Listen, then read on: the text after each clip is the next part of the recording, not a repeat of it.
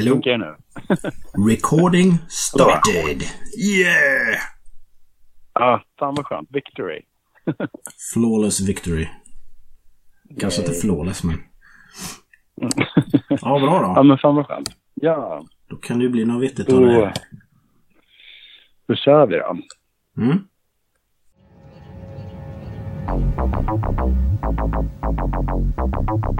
Välkommen till Ordbyting. Podden som tar in i kulisserna bakom den svenska fantastiken. Jag heter Marcus Olausson och i den här podden byter ord med eldsjälar inom de olika fantastikdisciplinerna fantasy, skräck och science fiction. Lämna verkligheten för en stund och följ med till fantastikens värld. Det här är Ordbyting.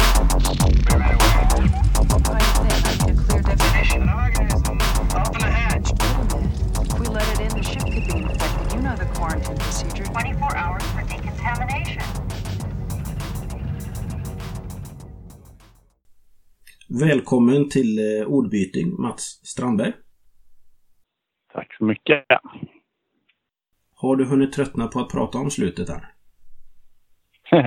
Eh, nej, men faktiskt inte. Eller nu var det väl ett tag sedan och det känns ju alltid roligare att snacka med någon som eh, ehm, en genre-nörd och liksom ett tillfälle där man kanske kan ta lite mer tid på sig än de här snärtiga liksom, eh, nyhetsmorgon-formuleringarna som man måste hinna få in. Liksom. Så att, nej, absolut. Jag tycker det är kul. Kul att prata med dig framför allt.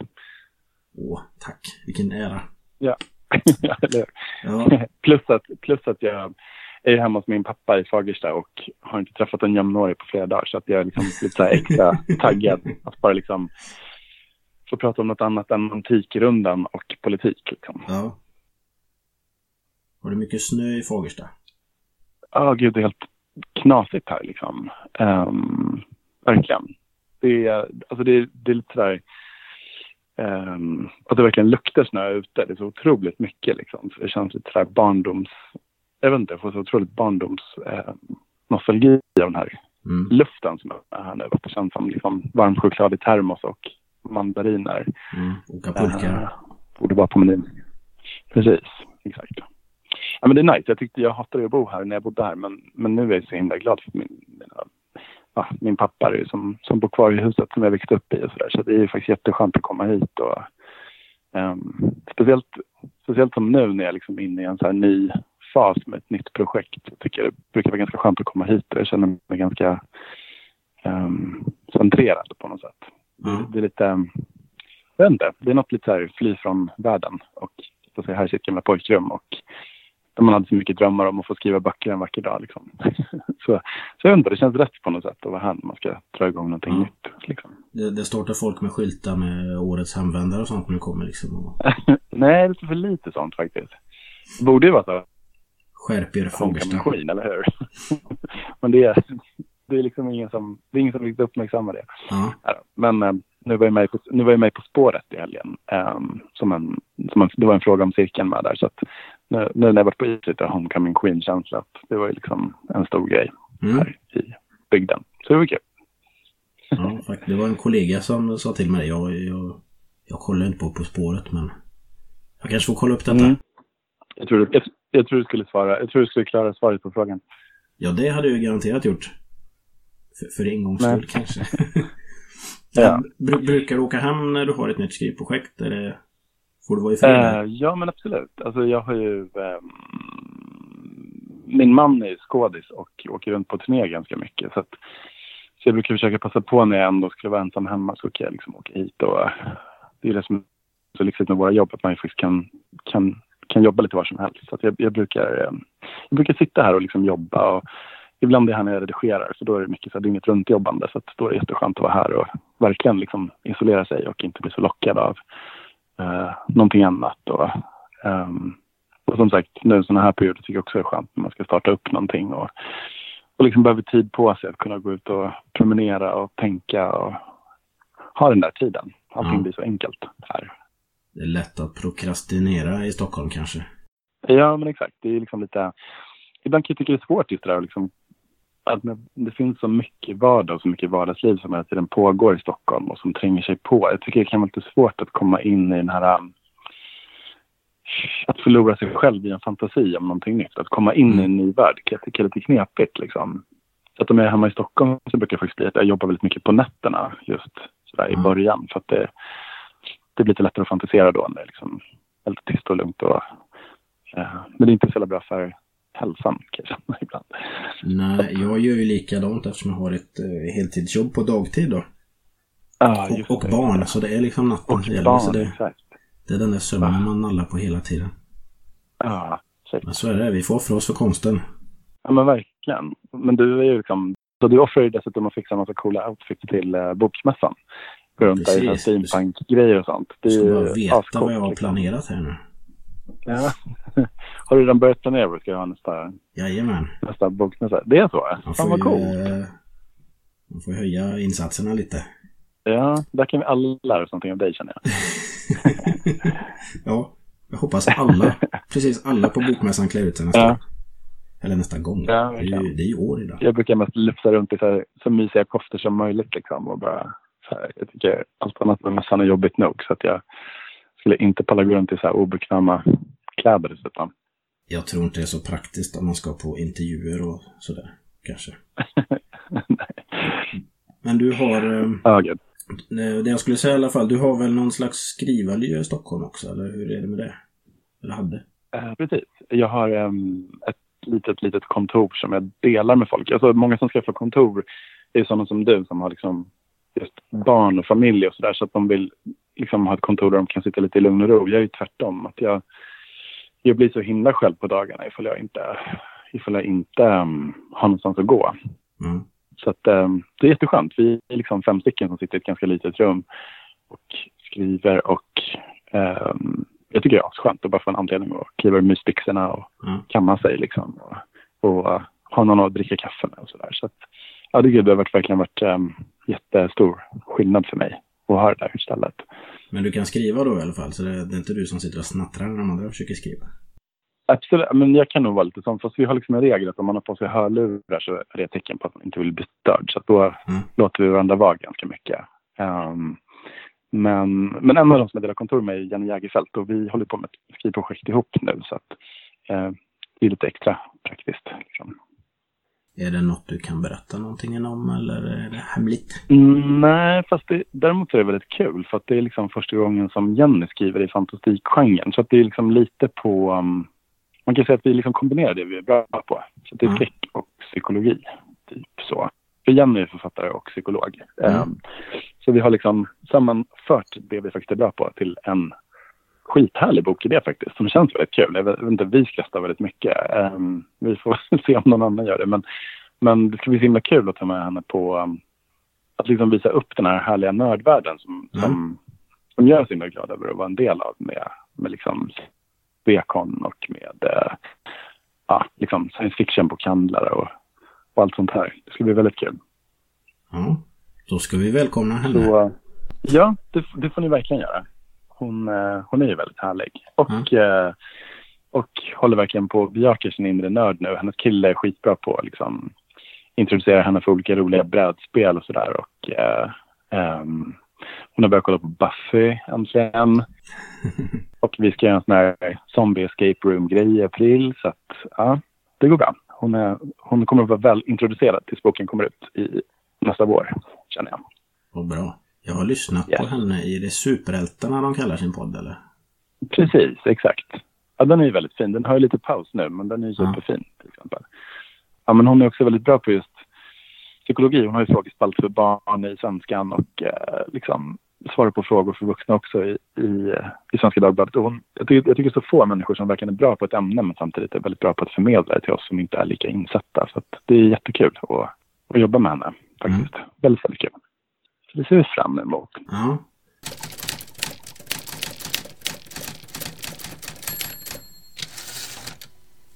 Vi- Vi hoppar tillbaks till slutet. Ja, en konstig det. mening. Vi tar slutet först. Ja, vi tar slutet först. Eh, jag tyckte det var en väldigt, en väldigt vacker bok. Precis. Samtidigt som gjorde mig väldigt Ja, sorgsen. men Just tack. den, den här eh, undergångskänslan som hängde över en hela tiden medan man läste den. Och Ja. det är Ja. liksom att boken stannar kvar efter man har läst den. Man, man vill prata med folk om den. Och så här. ja men fan vad kul. Och Ja. fan vad kul. Det är liksom precis det jag, det jag hoppades faktiskt. Jag, jag såg ju att du verkade ganska utmattad efter att du har skrivit klart den. Var det en, var det en tuff process att skriva boken? Ah, gud. Ja, men jag tror att jag börjar fatta, jag tror faktiskt att jag börjar fatta först nu hur, hur jäkla jobbig den faktiskt var. För att det var, den var ju väldigt, väldigt rolig att skriva på många sätt. Det var ju väldigt liksom, kul att dra allting så otroligt mycket till sin spets. Att man bara, okej, en bok som handlar om jordens undergång och den sista månaden innan, innan alla ska dö och alla vet om det. Liksom, vad, vad gör man då? Liksom? Så att det var ju, det var ju otroligt här, rolig process i bemärkelsen att jag fick ägna mig åt alla de här liksom, stora frågorna som jag själv tycker är jättespännande. Men dels var den ganska svår att skriva för att det var svårt att, jag var tvungen att hitta just den här balansen mellan själva handlingen för, i de här karaktärernas privatliv och liksom balansera upp det mot, mot det här enorma makroperspektivet och de här frågorna om liksom vad det är att vara människa och, och sådär. Ehm, men också att ha det här undergångsfiltret Mm. på, på sig hela tiden. Liksom att, att ehm, hela tiden förhålla sig till undergången på det sättet. Det var så här, vet, man kommer till en ny plats och är så ah, just det, det här skulle försvinna. Hur skulle det se ut? Och liksom undrar vad folk skulle göra här. Eller ehm, man kollar på sina vänner och bara, hmm, vilka skulle jag vilja vara med och inte? Och, så här, undrar, undrar vad de skulle hitta på för någonting. Så det, det var liksom, det var otroligt mycket undergång i ett par år. Så jag tror att jag ehm, faktiskt först nu börjar liksom haja så här, gud jag varit så jäkla trött de här åren. Jag tror jag börjar förstå varför. Liksom. Ja. Jag sov väldigt, mycket till exempel. Du har levt med undergången. Ja men exakt, i kombination med att det är faktiskt är den här klimatångesten som vi är många som har så, så ja, det var lite... Uh, å andra sidan tror jag i och för sig att just den här klimatångesten får på med den här boken. För att ibland kunde jag nästan känna lite där att den blev som en... Uh, jag kunde nästan känna en viss lockelse i att men gud, det vore lite, lite skönt ifall, ifall en komet blev undergången istället. Så det skulle i alla fall gå fort. Uh, det skulle inte vara vårt fel. Uh, och vi, ingen skulle bli lämnad ensam kvar. Liksom. Det, fanns, det skulle finnas någon orättvisa i det hela. Så att, uh, jag vet inte. Och ändå skulle, det finnas, ändå skulle det finnas kometförnekare. Förnekare. Mm. Ja, men exakt. Ja, men det är klart att jag skulle göra det. Ehm, men jag vet inte, jag fick en liten morbid lockelse nästan av, av att skriva om det. Eh, ja, men kometförnekarna, absolut. Det var ju verkligen en grej som vi pratade mycket om med eh, uh, MSB, den här Myndigheten för samhällsskydd och beredskap. De sa ju att det var ju liksom den största och de kunde gissa i alla fall så skulle det vara den största utmaningen för en organisation som dem. Det skulle ju vara just det här att försöka, eller att lyckas nå, alltså tränga igenom det här bruset av alla konspirationsteorier som, som skulle uppstå. Uh, och liksom verkligen nå ut som information till folk. Eh, så det var ganska intressant. Ja.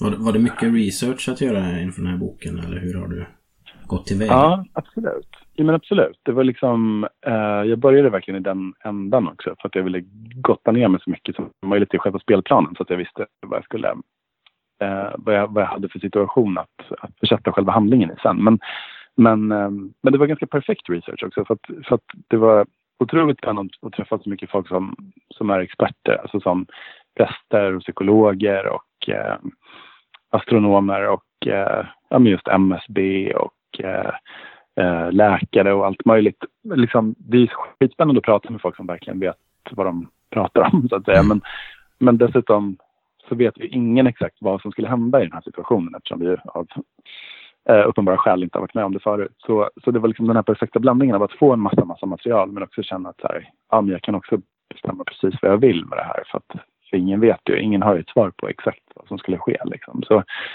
så det var faktiskt väldigt, um, det var väldigt kul. Det var väldigt, väldigt kul. Och det var också sån här, jag märkte att folk tyckte det var kul att prata om när vi, när vi, um, ja, när jag intervjuade dem. Att det var liksom, pratade med Rebecka Tudor till exempel som är präst och verkligen frågade henne så här, men vilken, vilka psalmer skulle du spela ifall du skulle hålla den sista gudstjänsten? Så, där. så att, um, den sortens frågor var ju väldigt roliga. Ja. Och, och sitta och gagga. Det var nästan lite gymnasiekänsla, du vet, när man satt och hade sina filosofiska små samtal på fyllan. Så lite, lite den sorten. Eh, Har du inte det längre menar du? Men jag har inte det så mycket längre. Alltså det ja, eller för sig, det kan man ju ha, men inte på det där du vet, man bara, när man liksom upptäcker de här grejerna för första Nej. gången. Och ja, du vet. Jo, jag vet. Lite för lite sånt. Kanske det Mm. vi ska ha. Vi kanske ska... Jag tycker vi borde umgås lite. Vi får göra det någon gång sen. När jag är nere och jobbar med Henrik i dina trakter eller någonting. Vi tar någon sån här kväll tycker jag. Gymnasiefylla. I Vänersborg. Mm. Du har varit väldigt tyst nu. Jag, jag tänker här nu, vad, vad, vad ska vi hitta på? Nej, jag, ursäkta, jag läste lite mina anteckningar. Jag, jag lyssnar också. Jag är ju en sån här multitaskande, multimedial person här. Mm, jag förstår. Jag förstår. Nej, men det, låter, det låter väl jättebra. ja, Jag, jag funderar lite på, när vi ändå är inne på gy- gymnasial fylla och så, så huvudpersonerna är ju i Mm. gymnasieungdom i huvudsak. Eller de huvudsakliga huvudpersonerna i alla fall. Mm. Mm. Och eh, Mm, absolut jag antar att du har ganska mycket tanke bakom att välja dem och skildra undergången genom deras ögon. Ja, precis. Ja, men det var ganska... Det var ganska självklart för att dels så har jag liksom velat skriva för tonåringar igen. Ända sedan cirkeln egentligen. Men, eller sedan Engelsfors då. Men eh, just när den här idén kom så eh, blev det verkligen... Eh, det var ganska självklart bara. För att jag kände att alla de här stora frågeställningarna som jag ville ta upp med, liksom, just hur man hittar meningen med livet. On a deadline på något sätt. Den var så liksom extra dragen till sin spets just när det handlar om tonnisar. Att, att, att den här tiden i ens liv som är så himla speciell när man upplever så mycket stort för första gången. Till exempel första stora kärleken. Mm. Um, om det dessutom blir den sista kärleken. Att man är 16 år gammal och bara, ja, det blir någon slags livslång kärlek då eftersom man bara har en månad kvar. Och, och just den, alla de här grejerna som man faktiskt inte har hunnit med eh, att göra. Och alla de här frågorna man har om sig själv och vem man egentligen är. Allt det där blev så himla... Ja, det passade historien bara väldigt, väldigt bra, helt enkelt. Sen var det ganska skönt också, för att någonting som jag drar mig för lite grann när jag ska skriva om tonåringar, det är just det där med att man måste skapa en hel skolmiljö och sådär. Så så det var ganska skönt att också att slippa det. För att det, ja, det som har hänt i slutet är just att liksom, det finns ingen anledning att gå till skolan längre. Så att alla skolor är ju stängda. Så att jag, jag kunde verkligen också fokusera väldigt mycket på deras privata sfärer istället för ja, vilka lektioner de tycker är tråkiga. Liksom, på något sätt. Mm. Vi, Om du förstår vad jag menar. Det var ganska vi- skönt att slippa skolmiljön helt enkelt. ja, vi, vi kanske bara ska säga det. Vi har ju inte ens sagt vad boken handlar om. Vi bara utgår från att alla vet det. Men Mm. Precis. kan du dra Ja, lite kort om det- vad den handlar om? Ja. Eh, nej men boken, i prologen så får vi träffa en kille som heter Simon som eh, de har precis, alltså hamnar i skolan, de har precis fått reda på att eh, en komet är på väg till jorden och det är tre månader kvar. Så han går runt i någon slags eh, så här och eh, får tag på sin flickvän och åker hem till henne och liksom bara så här håller henne nära och är så här, ah, vi har i alla fall varandra. Så här. Och hon bara, mm. Och sen när, när boken börjar på riktigt så är det, eh, har det gått ett par månader så att det är en månad kvar och då träffar vi Simon igen. Det visar sig att hans tjej har gjort slut för att hon är ju självklart, eller självklart, men hon, hennes grej är snarare att hon har varit den duktiga tjejen hela sitt liv och vill hinna, på, liksom hinna testa alla grejer som hon inte har hunnit med och Mm. eh, hinna provsmaka på livet på något sätt. Eh, så mycket som möjligt den här tiden. Så, så han är singel, väldigt heartbroken när boken börjar. Och den andra huvudpersonen som vi lär känna är Lucinda som, som har varit isolerad ganska länge och levt under liksom en egen eh, dödsdom för hon har cancer. Så det som händer henne när den här nyheten om kometen kommer är till exempel att hon kan sluta med alla mediciner och alla behandlingar som är det som har fått henne att känna sig sjuk egentligen. Ehm, så hon, man kan säga liksom att hon är lite rädd för att återvända till livet den här sista tiden och Simon är rädd för att dö. Ja. Eh, så det är huvudpersonerna och ja, naturligtvis så liksom flätas ju deras, de här två personernas öde ihop. Liksom. Så, så jag tycker det handlar mycket om relationer helt enkelt. Ja. Det, är liksom, det, det handlar definitivt om undergången, men undergången är mest en fond som ställer väldigt mycket i historien om de två på sin spets, så att säga. Eh, men sen är det ju väldigt kul att leka med de här stora grejerna. Så, att, så att jag har gjort därav all den här researchen som vi pratade om tidigare. Och ehm, ja, jag tycker det är kul att droppa de här små vardagsdetaljerna. Liksom. Mm. Det förankrar ju berättelsen på något vis. Och så. Det var väldigt, vad sa du nu? Förlåt. eh, De här vardagsdetaljerna förankrar ju berättelsen Mm. På sätt och vis. Som, den känns mer på riktigt. Man försöker ju smyga in den på ett ganska listigt sätt. Sen det som jag gjorde var ju också att låta Lucinda skriva i... eh, Jag, jag skapade en app som heter Tellas. Som, jag skapade den inte, utan alltså i boken. jag hittade på i Mm. boken att det finns en app som heter Tellas. Där, där folk kan skriva in, om de vill, kan de skriva in sina berättelser om hur det är att vara människa och vad det var att vara människa på den här planeten. Som man sen ska då sända ut via satelliter ut i rymden och hoppas att någon ska hitta det en vacker dag.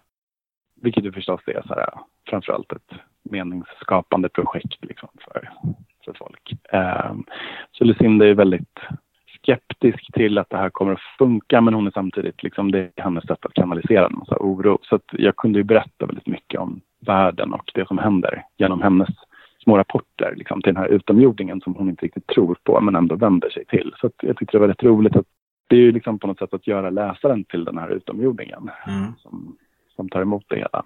Ehm, Få ut lite fakta Så- på ett, på ett intressant sätt. Ja, men precis. Ja, men tack. Ja, men absolut. Jag, jag tror... Um, det kände, jag kände mig rätt listig faktiskt när jag kom på det. För det, var, det, var, mm, det var ett otroligt skönt sätt att kunna lägga upp och berätta saker. Eh, och sen, för Simon är ju väldigt mycket mer ehm, i stunden. Vi följer honom i presen så han är väldigt fokuserad på liksom... Han är inte så himla upptagen av de här frågorna om mänsklighet på det sättet och att lämna efter sig något. Utan han är liksom mycket mer upptagen i stunden och sina relationer med sina, med sina mammor som har flyttat ihop för att ingen vill vara varannan vecka morsa när det är fyra veckor kvar. Eh, med sin syster, med sin flickvän. Alltså han är väldigt mycket i stunden och där, där kunde jag absolut låta, låta de här detaljerna om själva världen läcka in och bli en del av samtal och sådär. Men, men ehm, med att låta Lucinda ta själva infon tyckte jag var otroligt skönt. Mm. Hur, eh, hur hittade du Simon och Lucinda? Att det blev just dem som du valde att, berätta den här berättelsen genom? Hur kom du fram till de två? Ja, alltså det är alltid så jäkla svårt för man blir så här hur... Nu känns de ju så självklara för mig så att Mm. liksom, jag kommer inte riktigt ihåg hur de egentligen föddes. Men, men eh, jag tänkte liksom bara att eh, men Lucinda, Lucinda var nog den som kom först. Jag, jag tänkte just på det här, liksom, det här otroligt drastiska i någon som har Lucinda föddes ganska, faktiskt ganska mycket på grund av att jag har en vän som hade en, en liksom, växte upp med en dödsdom. Hon hade liksom ett lungfel och eh, Mm. eh, växte upp med liksom det var liksom en självklarhet att hon inte skulle bli äldre än 20. Så att hon, hon gjorde liksom sina livsval utifrån det. Liksom. Och sen hann plötsligt medicinen ikapp och hon fick en dubbel lungtransplantation och blev lite mer som vem som helst. Och så här, plötsligt måste hon bara, oj då, men jag har, inte, jag har ju skitit i att plugga och jag har ju, ja men du vet, jag har liksom, Mm. jag har liksom, ja, jag måste bara ställa om hela min, min syn på mig själv nu och vem jag är. Jag tror att det var liksom genom henne som den här tanken föddes, som någon som har levt med en dödsdom och ställt in sig på det och liksom varit ganska deprimerad, dragit sig undan, isolerat sig och klippt banden ett efter ett. Och sen plötsligt så bara, oj, så har hela världen samma dödsdom. Ehm, Mm. Samma sak. Gäller alla, man är inte så originell längre. Eh, jag bara tyckte det var något otroligt spännande med det. Och just eftersom hon skriver, det blir som en slags dagboksform, hennes sätt att skriva, så såg jag också framför mig hur hon var hur hon gömmer sig ganska mycket bakom sarkasm och cynism och lite torr humor. Ehm, och jag, jag jag såg framför mig hur det kunde vara kul att se henne sen genom den andra karaktärens ögon och se att hon kanske inte är så himla eh, hård som hon vill framstå helt enkelt. Så hon var ganska självklar och sen Simon var egentligen, det enda jag visste om honom när jag började skriva var att han att jag ville testa att skriva en straight kille första gången som huvudperson. Det har jag faktiskt aldrig gjort förut. Det var min första gång. Mm. Eh, och det var, det var, det var kul ehm, och spännande och eh, eh, jättesvårt för att jag började skriva honom mitt i den här metoo. Um, när metoo liksom började och Mm. jag är liksom 100-100% för metoo. Eh, jag tycker det är en skitbra grej men det var också så här Åh nej, han är verkligen så här olyckligt kär och han har inget att förlora. Liksom. Han blir ju lite tjatig och jobbig mot sin ex-tjej i början. Så jag, jag Mm. verkligen svettades över det här och här, var tvungen att hitta hans ehm, Minerad mark. Lite grann. Ja, eller liksom, jag kände mest själv att jag bara, gud, nu börjar jag liksom tycka lite illa om honom. Jag måste så här, se Mm. till att han, blir, att han får andra sidor också. Så att eh, honom hittade jag snarare genom någon slags lager på lager um, metod. Jag liksom gick tillbaka och skrev om och skrev om och skrev om. Liksom, och, ehm, hittade honom till slut. Känner jag. Men det var lite knepigt. Sen, sen har jag sett att du skapar spellistor till dina personer.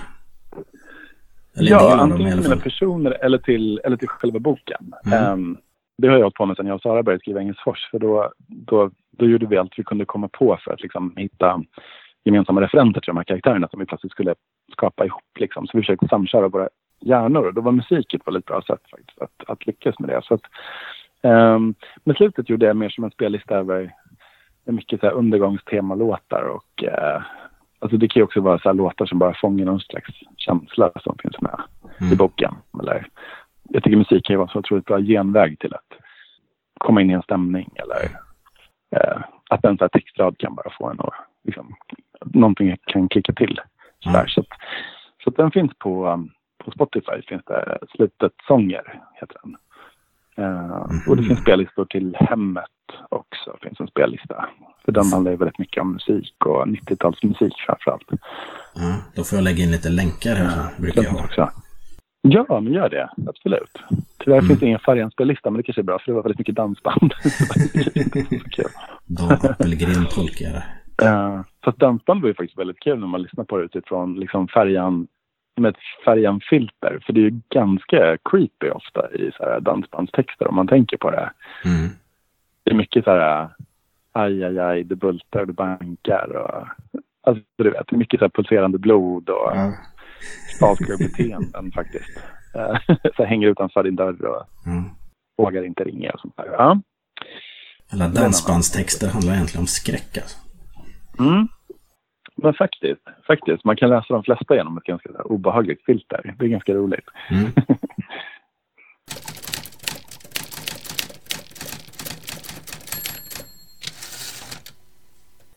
Om jag hoppar över till färjan då. Det var din första roman efter Engelsfors-succén får vi väl ändå kalla det.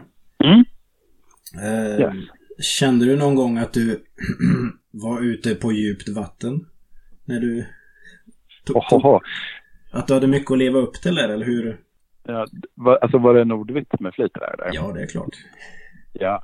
För jag tänkte just att jag var ju lite rädd att inte ro i hamn, vet du. Sådär.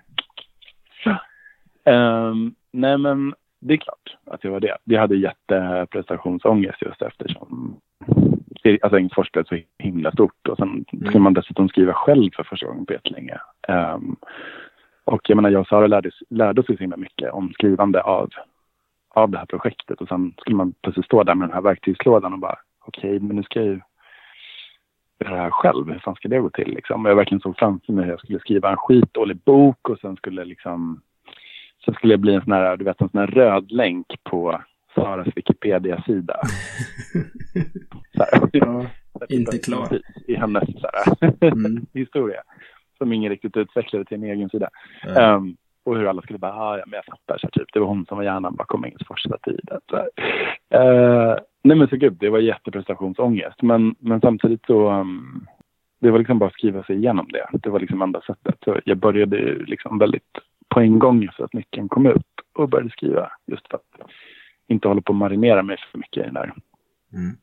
i den där paniken. Och eh, sen var det väldigt skönt också. Jag är väldigt glad att jag skrev en skräckis istället för att fortsätta på ungdomsspåret just då. För att jag, eh, det var ju ändå Stephen King som fick mig att börja älska att läsa böcker överhuvudtaget. Och liksom skräck är ju på något sätt i min ryggmärg på ett annat sätt än fantasy. Liksom. Så, Mm. så jag kände ändå att, ja men fan det här är någonting som jag faktiskt kan. Så här, jag menar inte att jag är så felfri eller att jag liksom, ehm, att jag är så jävla duktig. Liksom. Jag var ju rädd för att det skulle bli en dålig bok, men jag kände i alla fall att skräck är faktiskt någonting jag kan. Det vet jag liksom hur man, hur man, jag vet i alla fall vilken sorts bok jag skulle vilja läsa och så får jag bara göra mitt bästa för att Ja. skriva den. Så Jag tyckte det var skönt att det. vågar gå loss med splatterbiten där. Och det, Mm. det, det kanske har fått en och annan tant att höja på ögonbrynen om tror att de har börjat läsa en annan bok. Kanske, möjligen. Men, Jo, men jag har haft en del arga, arga människor. Men fast jag kan bli så jävla trött på det där. För att liksom speciellt, den gick ju som följetong i svenskan också. Så det var ju en massa människor som inte skulle ha läst färjan i vanliga Mm. fall som, som läste den. Ehm, men ah, jag kan bli så trött på sådana här tanter. Som just på bokmässan är det ganska många tanter som kommer fram och är så jävla sura över liksom att men de kunde ändå inte sluta läsa den utan de fortsatte men de var arga hela tiden.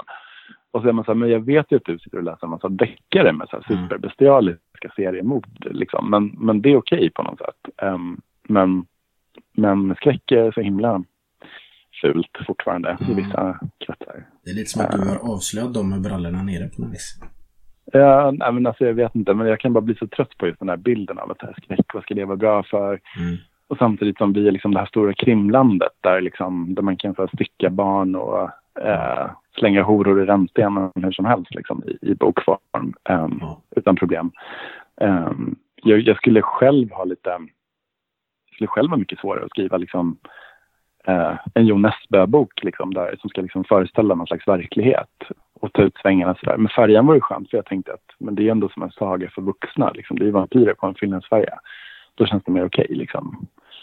Att gå loss. Så att eh, det gjorde jag. Mm.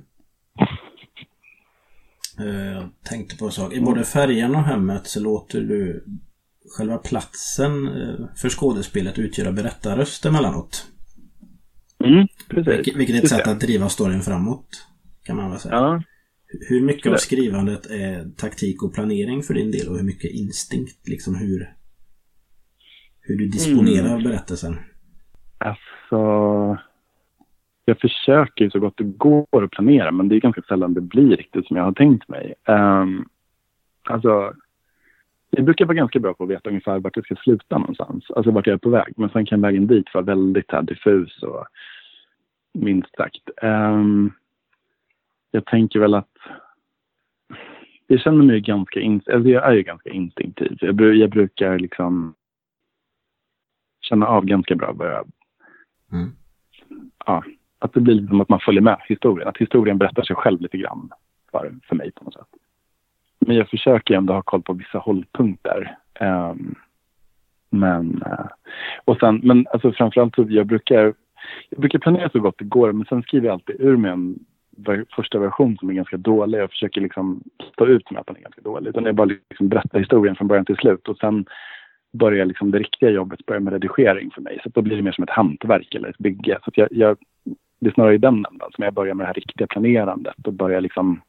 För det är först då jag kan se det utifrån. När jag har Mm. som den här obearbetade degen på något sätt som bara ligger där och väntar. Sen kan jag börja knåda den och kan börja liksom hitta tematiken, eh, hitta liksom karaktärernas resor, vad de egentligen handlar om. Och då liksom börja lägga in det och tvätta och ta bort och lägga till. Och liksom jag redigerar väldigt, väldigt mycket. Jag brukar bli, göra liksom, att jag i princip skriver om hela boken fem, sex Mm. gånger. Liksom. Eh, men det, och det är jättemånga som hatar redigering. Jag vet inte hur du känner. Men, men jag gillar ju det faktiskt. Jag gillar ju det mer och mer till och med. Jag tycker det är otroligt eh, tillfredsställande och inte alls lika ångestdrivet. Jag tycker första versionen är väldigt ångestdriven. För då är man så här, "Ah, shit, tänk om det inte går ihop. Tänk om det här är skitdåligt. Tänk om det här... Uh. Man är så själv också med texten. Men sen så fort den första versionen är klar och man kan låta några utvalda läsare, läsare och liksom, man kan börja snacka om det och man kan börja tänka på det. Så då, det, det är då jag tycker det är roligt faktiskt. Så. Ja. Jag kan bli ganska trött på att tugga om, om texten och sådär men under redigeringen Mm. det, är då boken växer fram så det kan vara ganska kul också när man, man klipper, klistrar lite grann och Mm. flyttar runt och så här och verkligen bygger det som blir boken. Det, Ja, det där första var ju bara för att få det ur huvudet och förstå vad det var man ville skriva. Ja, men exakt. Precis. Ja, men så känner jag också. Ehm, så att, ja, det är väl egentligen inte så mycket planerande. Jag har ju försökt. Liksom. Jag brukar ju försöka skriva någon slags storyline, men det, mm, ja, det, det funkar inte så himla bra, helt enkelt. Nej. I vilket skede tar du in eh, testläsare och så? Eller låter någon läsa din text? Ja, men det brukar jag göra ganska tidigt. Det brukar jag göra första version. Mm.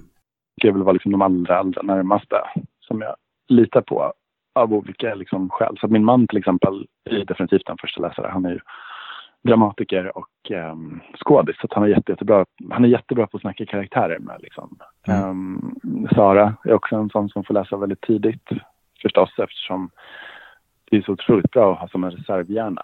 vi brukar Ja. läsa varandras texter och vi kan varandras skrivande så att jag kan också se, eller hon kan se vad jag försöker göra även när jag inte lyckas. Så att, säga. så att liksom, ja, det är otroligt bra. Um, sen har jag Jenny Jägerfeldt också varit en sån som läser tidigt. Och, eh, och sen en förläggare förstås. Mm.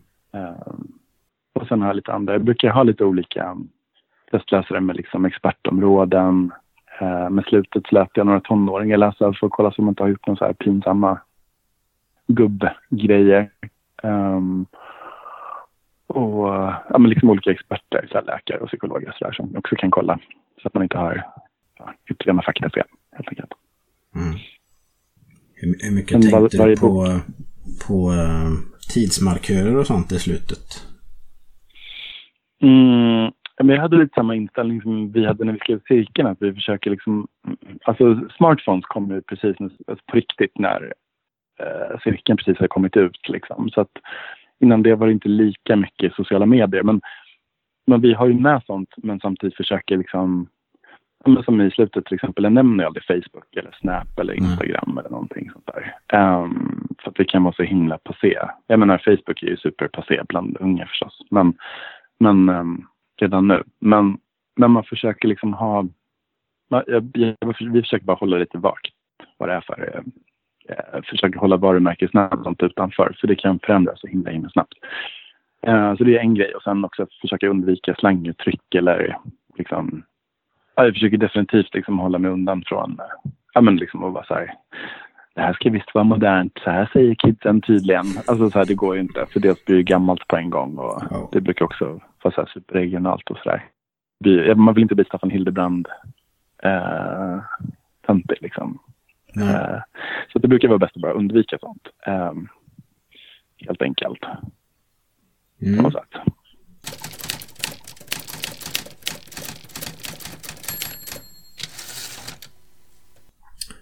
Om vi, om, om vi jämför det du har skrivit så, eller om vi, vi tar dina egna böcker och Färjan, Hemmet och Slutet, de, de senaste som du Mm. skrivit. Så de är ganska olika på sätt och vis. Men det, det som förenar dem på Mm. något sätt är omsorgen om karaktärerna. Tycker jag. Ah, tack. Ja men fan vad glad ja, men det, det hoppas jag också att det är. Och då undrar jag lite grann hur du, vilken, hur ska jag säga? Hur väljer du ut vilken idé som ska bli nästa roman? Och hur angriper du den ur, från ett karaktärshåll eller är det idén först som får växa? Ja, alltså med både hemmet och färgen så tror jag, nu har jag börjat tänka på nästa skräckbok också och då är det faktiskt återigen att det är liksom platsen som det börjar med. Så att, och likadant med slutet i och för sig, det var ju också Mm. väldigt mycket själva premissen det började med. Eh, det kanske är det som är min nya metod nu, att, att, att det är liksom det är så man börjar. Speciellt i skräck så är liksom platsen så himla viktig, tänker jag. Eh, för att i skräck måste man alltid förklara på något sätt varför är de här människorna på den här platsen. Ehm, där de inte kan be om hjälp eller där de inte kan eh, bara sticka därifrån. Liksom. Mm. Så att den Finlandsfärja var ju perfekt för det syftet. Och, och hemmet också på sitt sätt. Ehm, och nu har jag min, min nästa skräckis kan jag ju förstås inte säga. Jag har inte ens berättat för mitt förlag än vad den handlar om. Ehm, men den är också en väldigt här, tydlig premiss eller en tydlig miljö. Liksom.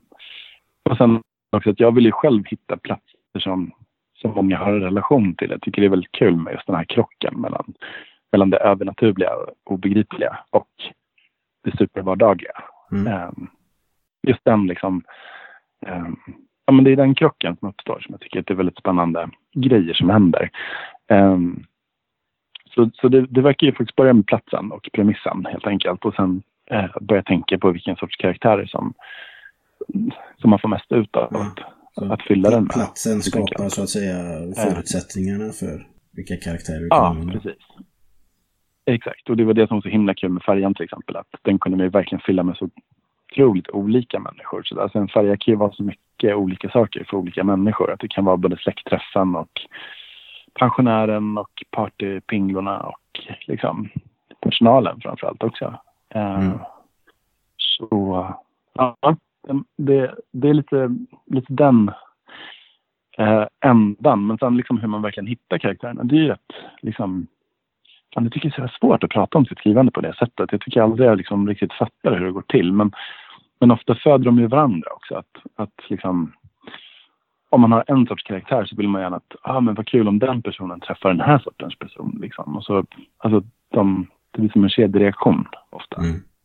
Eh, men för, för mig började färjan med Marianne just för att jag kom ju på idén till färjan när jag själv var på en, en, sån där, en kompis som firade sin 40-årsdag på en kryssning. Liksom. Och så, så när vi satt där i, um, ehm, vad heter det, terminalen så, så satt det just en ensam gammal tant och drack liksom en Baileys för sig själv och sen var det någon sån här gubbgäng som bara Åh, tjena Stumpan, sitter du där själv? Och hon började liksom gagga om någon, om någon väninna som skulle ha följt med men som hade tagit fel på datorn. Och, ja, så hon började liksom, hon satte sig med de här gubbarna och började Ja.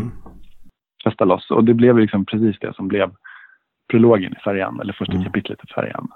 Så, att, så att där, liksom, där började jag till exempel med Marianne, för jag tyckte det var skitspännande med just en sån här, att göra en pensionärstant till en hjälte i en skräckbok.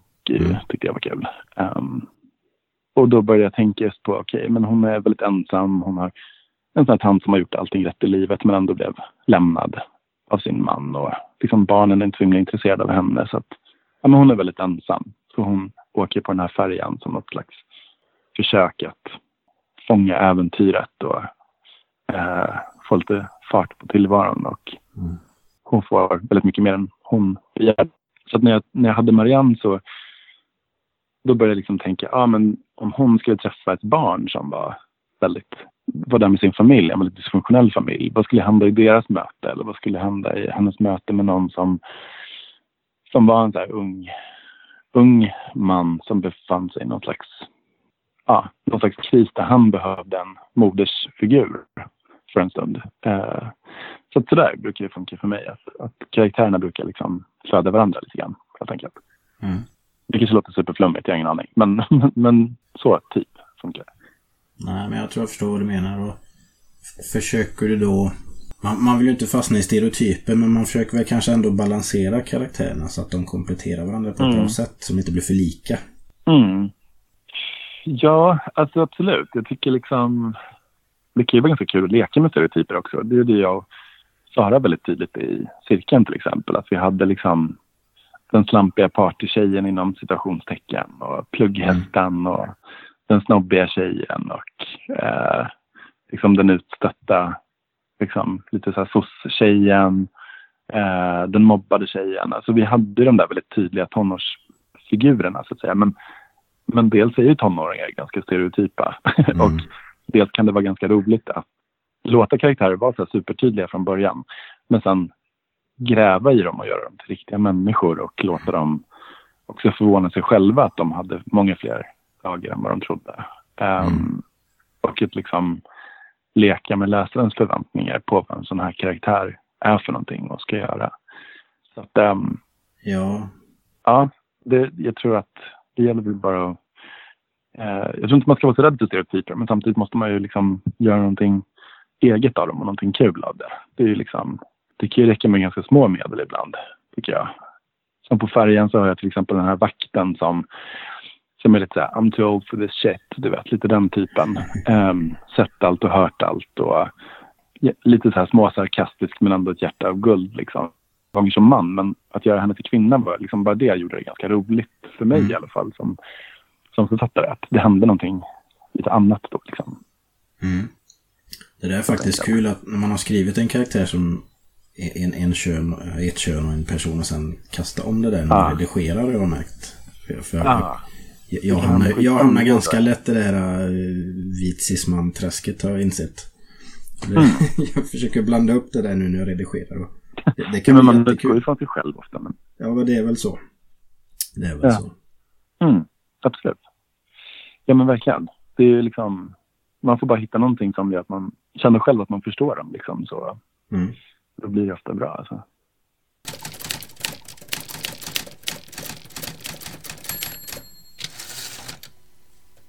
Det finns eh, filmoption på några av dina manus va?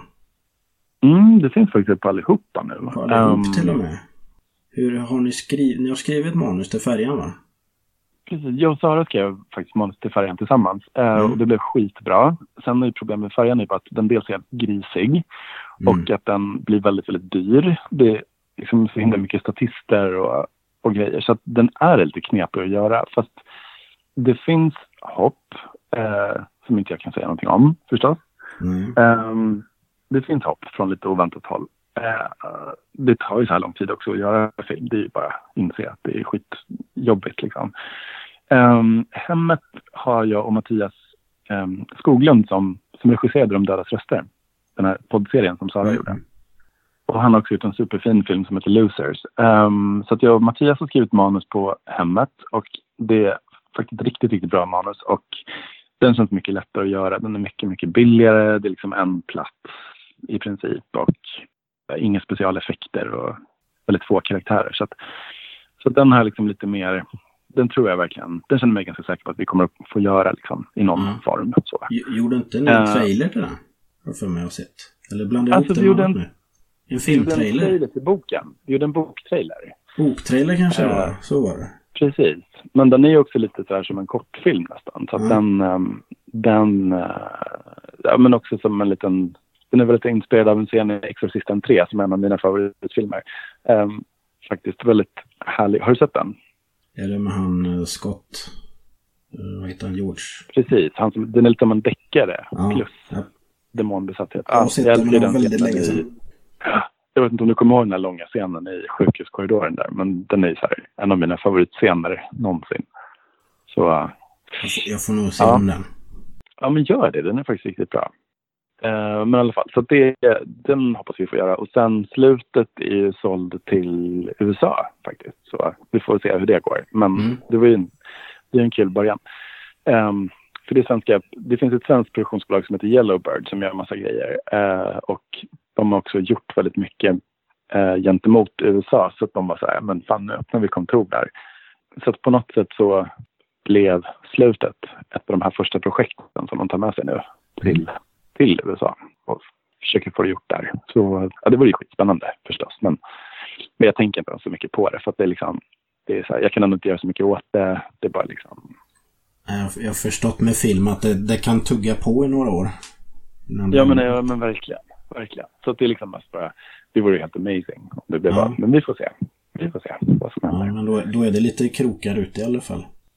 Ja, men exakt. Precis. precis. Men jag har ju fått en otrolig mer smak på att skriva manus. Så att jag hoppas verkligen att, att det blir av lite grejer nu som man har. Som man har, helt enkelt. Det är Mm. väldigt, väldigt kul. Färgar det av sig på skrivandet att man tänker budget lite mer när, när du skriver dina nya berättelser? Och Eh, nej, inte alls. du släpper det helt? Inte alls.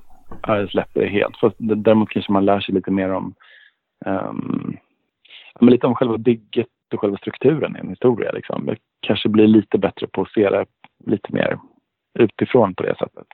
Och det är ganska kul också med det här att man skriver att man måste vara så ekonomisk i berättandet. När man, alltså, nu menar jag ekonomisk i bemärkelsen effektiv. Alltså att man måste berätta effektivt i film. Och, och det, det är rätt kul också att, att lära sig saker om det.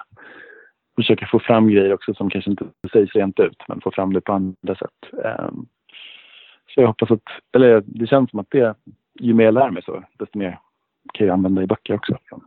Mm. Blir det kors, korsbefruktning som det så fint heter. Ja, men verkligen. Jag märker att jag säger liksom hela tiden. Jag tror jag håller på att revertera till mitt tonårsspråk nu när jag sitter här på mitt gamla pojkrum hos pappa. Det, du skriver ju tonårsböcker också så det, du kanske har det nära då. Absolut. Det, det, det får mig in på en, en lyssnarfråga här. Jag har lite lyssnarfrågor. Vi kan ta dem i lite... Ah, vad kul. Jag såg ett ut på Insta, men jag vågade inte kolla. För jag tänkte, ja, absolut, kör. Vi, vi kan ta en som har med det att göra. Hur är det med ungdomars framtidstro numera? Får du vara språkrör Mm. för ungdomarna då? Ja, precis. Ja, det är inte lätt. Men eller det vill man ju inte vara på något sätt. Ehm, men de som... Alltså jag har ju hängt väldigt mycket på, liksom framförallt Tumblr egentligen, i min stora så här... eh, tycker det är så otroligt kul att följa unga människor där för att många har ju väldigt mycket superintressant att säga. Mm. Det går inte att säga generellt förstås, men, men, men eh, det känns ju som att de tonåringar som jag har pratat med är ju väldigt medvetna om vilken jävla skitvärld vi låter dem ärva. Mm. Ehm, och lämnar ifrån, sig till, från oss till dem. Så att ehm, jag tycker det finns en väldigt stark ehm, eh, sund ilska, skulle jag säga, bland de som jag har träffat. Och lite så här um, kämpaglöd som ju vi alla kanske skulle behöva faktiskt. Mm. Så, eh, mm, jag vet inte, jag tror fan, jag gillar ju ungdomar mer än våra generationer och äldre faktiskt. De var ju lite Det är så Ja, många nej, men jag, vet, jag är så bara så otroligt impad av ja men så jävla trött på sura gubbar liksom. Mm. Och tanter som, som röstar på dåliga saker som de själva inte kommer få lida av sen liksom. Så att de är för gamla. Nej men jag vet inte, jag är bara så otroligt impad faktiskt av, av ungdomar idag liksom som eh, kämpar på liksom. Och jag blir tokig när man hör såna här slentriangnäll om, om liksom bortskämda millennials och sånt. Man bara, men det finns inga jobb, det finns inga liksom. Det, de är så helt andra förutsättningar än vad vi och äldre hade. Så att, jag vet inte, jag tycker de, fan, de är bra alltså. Mm. De är riktigt bra. Eh, Behövs det positiva framtidsvisioner i fiktionens form, böcker och film och så, för att hjälpa fram en positiv utveckling i verkligheten? Mm. Alltså, Det är Bra fråga. fråga kanske. Eh, faktiskt. Ja, kanske det. eh, jag vet inte. Alltså, jag har ju själv varit sån här som alltid finner tröst i, liksom, i dystopi, alltså kanske dystopiska tankegångar. Och, eh, alltså, det var ju därför jag fastnade för skräck också, för att det blev en sån bra ventil för alla såna här... Äh, jag var ju sånt oh, ganska ängsligt barn och är fortfarande ganska oroligt lagd. Så för mig är det ganska skönt med den här ventilen um, som skräck kan ge. Men det är klart att det vore väl bra men jag vet inte riktigt, liksom, jag, jag skulle inte kunna skriva den tror jag. En så här spännande utopi. Men det vore väl toppen liksom. I och för sig det kan ju vara en dystopi där man känner lite så här jävla namma och eh, där de faktiskt löser grejer på slutet. Ja, Det var ju bara lite svårt med just min bok. Att, ehm, att bara, åh, vi räknade lite fel. Kometen missade oss. Eller, vi byggde en stor studsmatta så den flög iväg. ja. Eh, Kometförnekarna hade rätt. det. Absolut. Nej, men det är klart att det är väl... Jag tycker ljusa historier måste ju självklart få finnas. Men jag har lite... Alltså... mm, Bara man inte blundar för mörkret, tycker jag. Typ så. Nej. Eh, Jag, jag har väldigt svårt för sånt här socker så att jag försökte skriva en Ja. utopi en gång i novell men eh, ja, den, slutade dystopiskt ändå i slutändan. ah, ja. Var det den här novellsamlingen som kom? För den har faktiskt inte jag läst än. Den här, den här utopiska eh, novellsamlingen som kom för den var inte med. Nej. Detta var en novelltävling som eh, Club Cosmos hade, en sån science fiction-förening. Okej, okej. Ja, nej, jag, jag ehm, kan inte riktigt se det. Men, men sen, jag vet inte, jag gillade ju Hunger Games till exempel. Gillade jag faktiskt. Även om den tredje boken är lite sådär. Men i kölvattnet av den så kom det också så otroligt många dåligt snickrade dystopier på något sätt. Som, som eh, de här Divergent och alla de där. Som Mm. jag eh, också har liksom lite mindre tålamod med nu när världen känns så dystopisk ändå. Liksom, så blir man lite, fan, kom igen. Men det är klart att, ja. Jag snurrade in mig i någonting som jag inte riktigt vet hur jag ska ta mig ur här. Jag har faktiskt ingen aning. Nej, sk- skriver du noveller själv? Eller kör du alltid rakt på roman? Nej, men jag gör inte det. Jag är en väldigt dålig novellläsare också. Ja. Ehm, jag kan verkligen förstå grejen lite grann med de här kortare historierna när man inte orkar ge sig in i en hel roman. Fast för mig har det blivit serier snarare. Alltså serieromaner som har blivit lite den funktionen, tror jag. Så att, Mm. nej, men jag har liksom aldrig riktigt kommit in i, i noveller. Det är ju synd, för att det finns ju så otroligt bra inom just vår, våra genrer också. Det finns det ju väldigt mycket bra noveller. Jag har egentligen bara läst bra sätt att uh, sampla olika författare och... Ja men exakt, precis. Och det finns så många idéer som inte faktiskt håller för en hel roman men som kan bli en jättebra novell liksom. Ja, Ehm, man kan ju ta ut svängarna på ett annat sätt. ja men verkligen. Och det är ju det är ju enklare att slänga en novell i papperskorgen än en roman. Ja, på en sån sak. Exakt. Ja, men det, det är synd att vi inte har riktigt den här eh, traditionen här i Sverige. Som, jag menar, många av mina amerikanska författarkollegor är ju liksom verkligen, alltså sådana som jag känner som, som skriver är ju, eh, de kan ju nästan leva på det, att sälja in noveller till alla de här tidningarna som faktiskt fortfarande publicerar sånt. Mm. Och så. Ehm, mm. Så om någon här ute nu vill locka med dig i, i en novellsamling så gäller det att få dig att börja skriva noveller först då. Ja, men exakt. Ja, men verkligen. Ja, men jag måste... Fan, det kanske är någonting jag skulle ha som lite projekt att börja ge mig in i ändå. För de gånger som jag har läst till exempel Stephen King-noveller eller han, ehm, Margaret Atwood skriver också jättefina noveller som jag har Mm. läst. Och eh, ja, nej men det finns ju en del. Ja, det får börja, får börja jobba på det. Mm. En fråga Ja. till här. Hur hanterar du Mm. framgångarna för att, och eh, håller huvudet kallt? Oj, alltså hålla huvudet kallt i bemärkelsen att inte Ehm, Bli en fet jävla diva. Okej, ja, det Kanske, jag vet inte. Ehm, nej men gud, det är ju skitsvårt. Alltså jag, jag har ju tänkt på det så många gånger att eh, jag fattar inte riktigt hur man fixar. Jag och Sara hade ju varandra när cirkeln blev så här stor så himla snabbt. Eh, vi Mm. hade ju liksom varandra och kunde kliva in i den här bubblan, liksom skrivbubblan och faktiskt ägna oss åt det det handlar om eh, tillsammans och liksom stänga ut allt det där kaoset utanför. Mm. Så jag har verkligen tänkt på det, hur fan folk fixar det när de, när de når så här plötsligt framgång själva. Liksom. Det måste vara en jävla mardröm. Um, nej, men jag tror att jag eh, klarar genom att bara vara... Jag är ju alltid en sån här olyckskorp, så här riktigt kräsa-Maja när det gäller mig själv och liksom tror att, ja du vet, här, nej, men det här kommer inte att räcka. Och, eh, men man vet ju aldrig hur det kommer att gå i framtiden. Liksom. Så, att, så det gäller ju att så här, jobba på. Och, eh, jag vet inte, jag känner mig liksom inte säker på det sättet. Eller liksom, jag känner mig inte um, Klipper det lite ljudet här. skrivet kan jämföra sig med en massa folk. Liksom. Jag känner lite så här, när vi skriver i den här genren så nu går det ju bra för mig. Liksom. Och, och, men jag upplever ändå att liksom andra skräckförfattare blir bara glada när det går bra för en, en skräckförfattare. Jag menar, jag blev jätteglad när John Ajvide August nominerades till exempel. Så därför att allt som är bra för genren är ju bra för oss allihopa. Liksom. Och, Ja. det är en sån skön värld och vilja känna varandra. Och, eh, skriver man i skräck eller fantasy eller sci-fi så gör man ju det för att man älskar genren och då har man ju liksom varit en läsare. Man har samma referenspunkter som sina kollegor och sina läsare. Så det blir ofta väldigt fina så här möten. Jag tycker det är här skön familjekänsla i våran värld på det stora hela ändå. Liksom. Så att jag tror att man kanske jag vet inte, ibland när jag ser på de här deckardrottningarna, du vet den typen av författare, så kan jag bli så här, men det verkar jobbigt att liksom, att man skriver i en genre som är så där, liksom bred och det finns liksom hundra som skriver samma Mm. sorts böcker och liksom då tror jag att det här underlaget för att, men varför får hon sälja så mycket och inte jag? Alltså jag tror att det är sånt som gör en till en diva, om du förstår vad jag menar. För att då Mm. liksom måste man ju intala sig att ja, men jag är faktiskt värd mer och jag är faktiskt bäst och jag är... Ja, men jag tror att... Förstår du vad jag menar? Förstår du vad jag är Mm, ute efter? Jag tror att, att det liksom är... Eh, ja, så. Eh, Fantastikfamiljen verkligen- håller oss i schack helt enkelt. Men jag tror det faktiskt. Och att man bara är så himla glad över att man får hålla på med Mm. sina...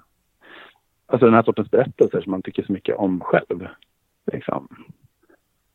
Det, det är märker man ju på, på Svekon och sånt här om inget annat. För där är det ju... Författarna är ju där också som fans liksom av genren. Ja, men exakt, exakt, Det exakt. blir ganska Ja, det är så himla nedtonat. kul. Det var verkligen på Swecon som jag... Ja, ja men exakt. Det var ju på Swecon som jag bestämde mig för att jag skulle fortsätta skriva i genren efter Engelsfors. För att det var liksom lite där, vilket håll ska jag gå åt sen? Och det var, det var där jag kände att nej, jag vill inte lämna den här härliga familjen. Eh, faktiskt. Jag vill fortsätta i den här genren som jag tycker så mycket om. Så varför inte liksom? Nej, men så jag, ja, nej, jag tycker inte det är så svårt att inte bli en diva faktiskt. Hoppas jag i alla fall. Bra det.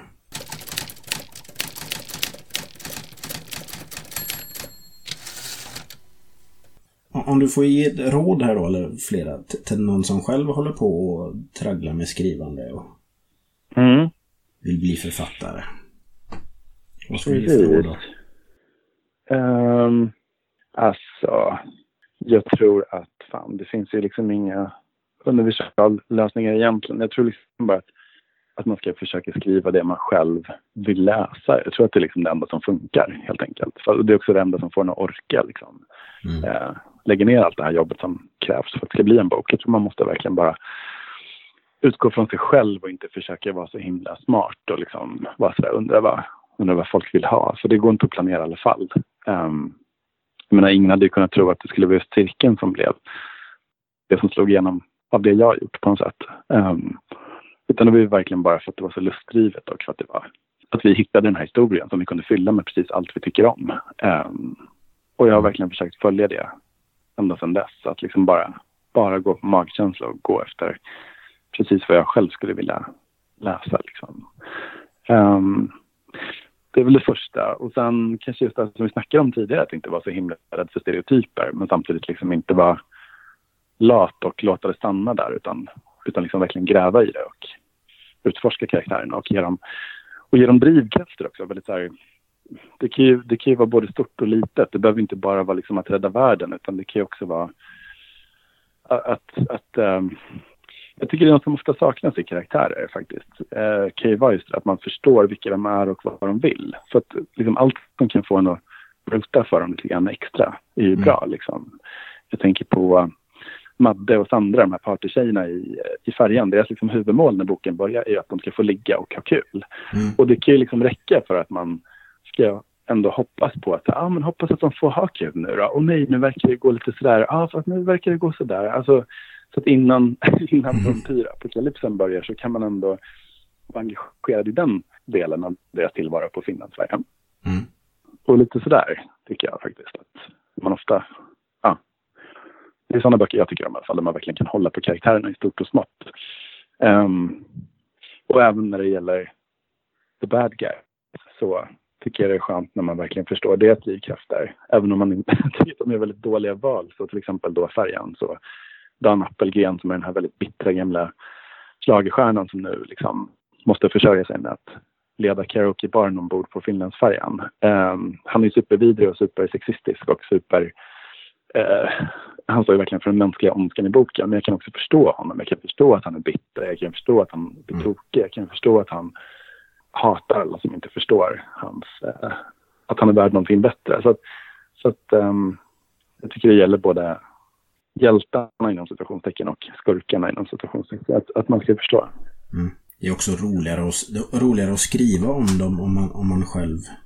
Ja men gud, det är så kul att skriva skurkar. Ja. Verkligen. Så, uh, ja men bara man förstår dem och bara man kan köpa det. Uh, Mm. så, sådär. Det börjar bli dags att runda av lite grann, men jag insåg jag har ju glömt eh, en fråga här. För du har ju skrivit andra böcker också. Du har skrivit eh, Monstret i natten. Eh, tre böcker om monstret Falk. Ja. Ja, Eh, ihop med Yes. Sofia, vad ska vi säga, Falkenhem. Heter hon. precis. Hon har ju Som- illustrerat. Illus- Ehm. illustrerat här då. Och nu håller du även på med, jag har förstått, eh, Hell Hotel här med Henrik Jonsson. Ja, det är så himla kul. Det är en serieroman om där Paradise Hotel möter spanska inkvisitionen. Uh, Bara en sån sak. det är någon slags John Carpenters The Fog-feeling. Ja, men det är fan skitroligt. Henrik är ju ett geni verkligen. Han är så himla, himla rolig att jobba med. Så att jag har ju verkligen en sån här helt fantastisk vår nu. Att jag håller på med Janne, jag håller på med Henrik Jonsson och jag håller på med Sofia Falkenhem. Um, och liksom jobbar med så otroligt bra människor i så projekt där vi har väldigt tydliga roller. Jag tycker det är jättespännande just att jobba med bildmänniskor för att ehm, ja, det är så otroligt spännande att se sin värld växa fram på ett sätt som, som man själv inte skulle kunna blåsa liv i den här världen. Jag kan ju Mm. verkligen inte rita, men, men att se liksom mina idéer om karaktärerna liksom växa fram under Henriks penna medan vi pratar om det. Att man bara, "Ah, det kanske vore kul att ha den här sortens kille. Så bara helt plötsligt så finns den här killen på papper. Eh, Det är skitroligt verkligen. Men har, har, Jätteroligt. har, ni mer, eh, har ni mer ett koncept eller en idé som ni sitter och brainstormar runt och så tar ni fram berättelsen tillsammans då? Eh, nej, men vi, har, Eller- vi har faktiskt kommit ganska långt. Vi har, liksom, vi, har, vi, har, vi har en hel del, eller vi har alla huvudkaraktärerna klara. Vi har eh, Mm. plotten klar. Ehm, och vi har kollat på väldigt, väldigt mycket Paradise Hotel som research. Mm. Eh, och träffat deltagare också. Det är jättespännande. Ehm, Och så hade ni en ju så också. Ja, men det var ju skitroligt. Vi, har, vi hade en aktion på Musikhjälpen där man kunde vinna att bli en karaktär i boken. Så det var ju faktiskt någon som gav ett otroligt generöst bud på det. Som får sitt namn och sitt ansikte på en sån här väldigt Ja. väl inoljad muskel dokusåpadeltagare kropp. Um, så det var, jag, det var ju tror, jag skitroligt. tror jag vet vem det är också. Ja, Det ska bli spännande det. Ja, väldigt kul. jag. Eh, han, bad, han bad om en väldigt uh, geggig död, så att det kommer han att få också.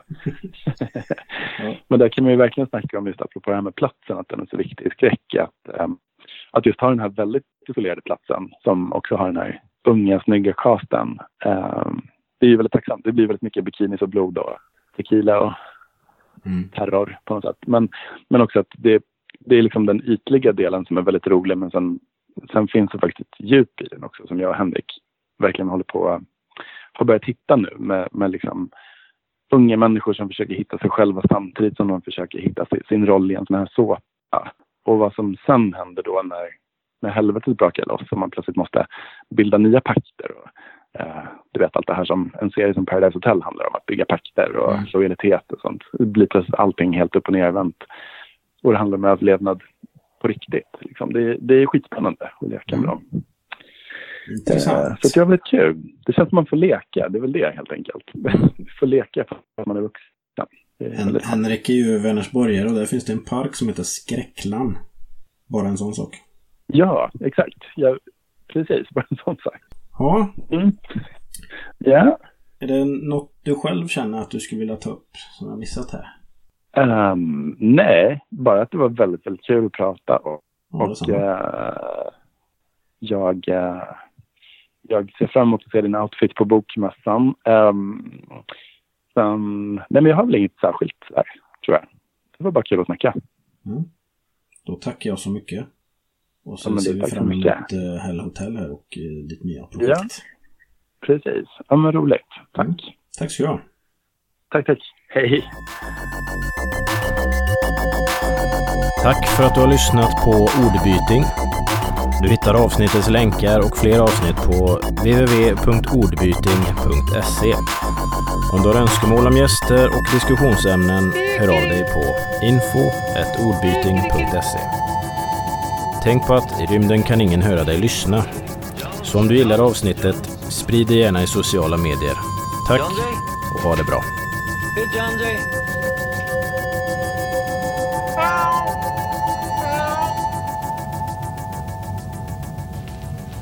Tell him, Jay.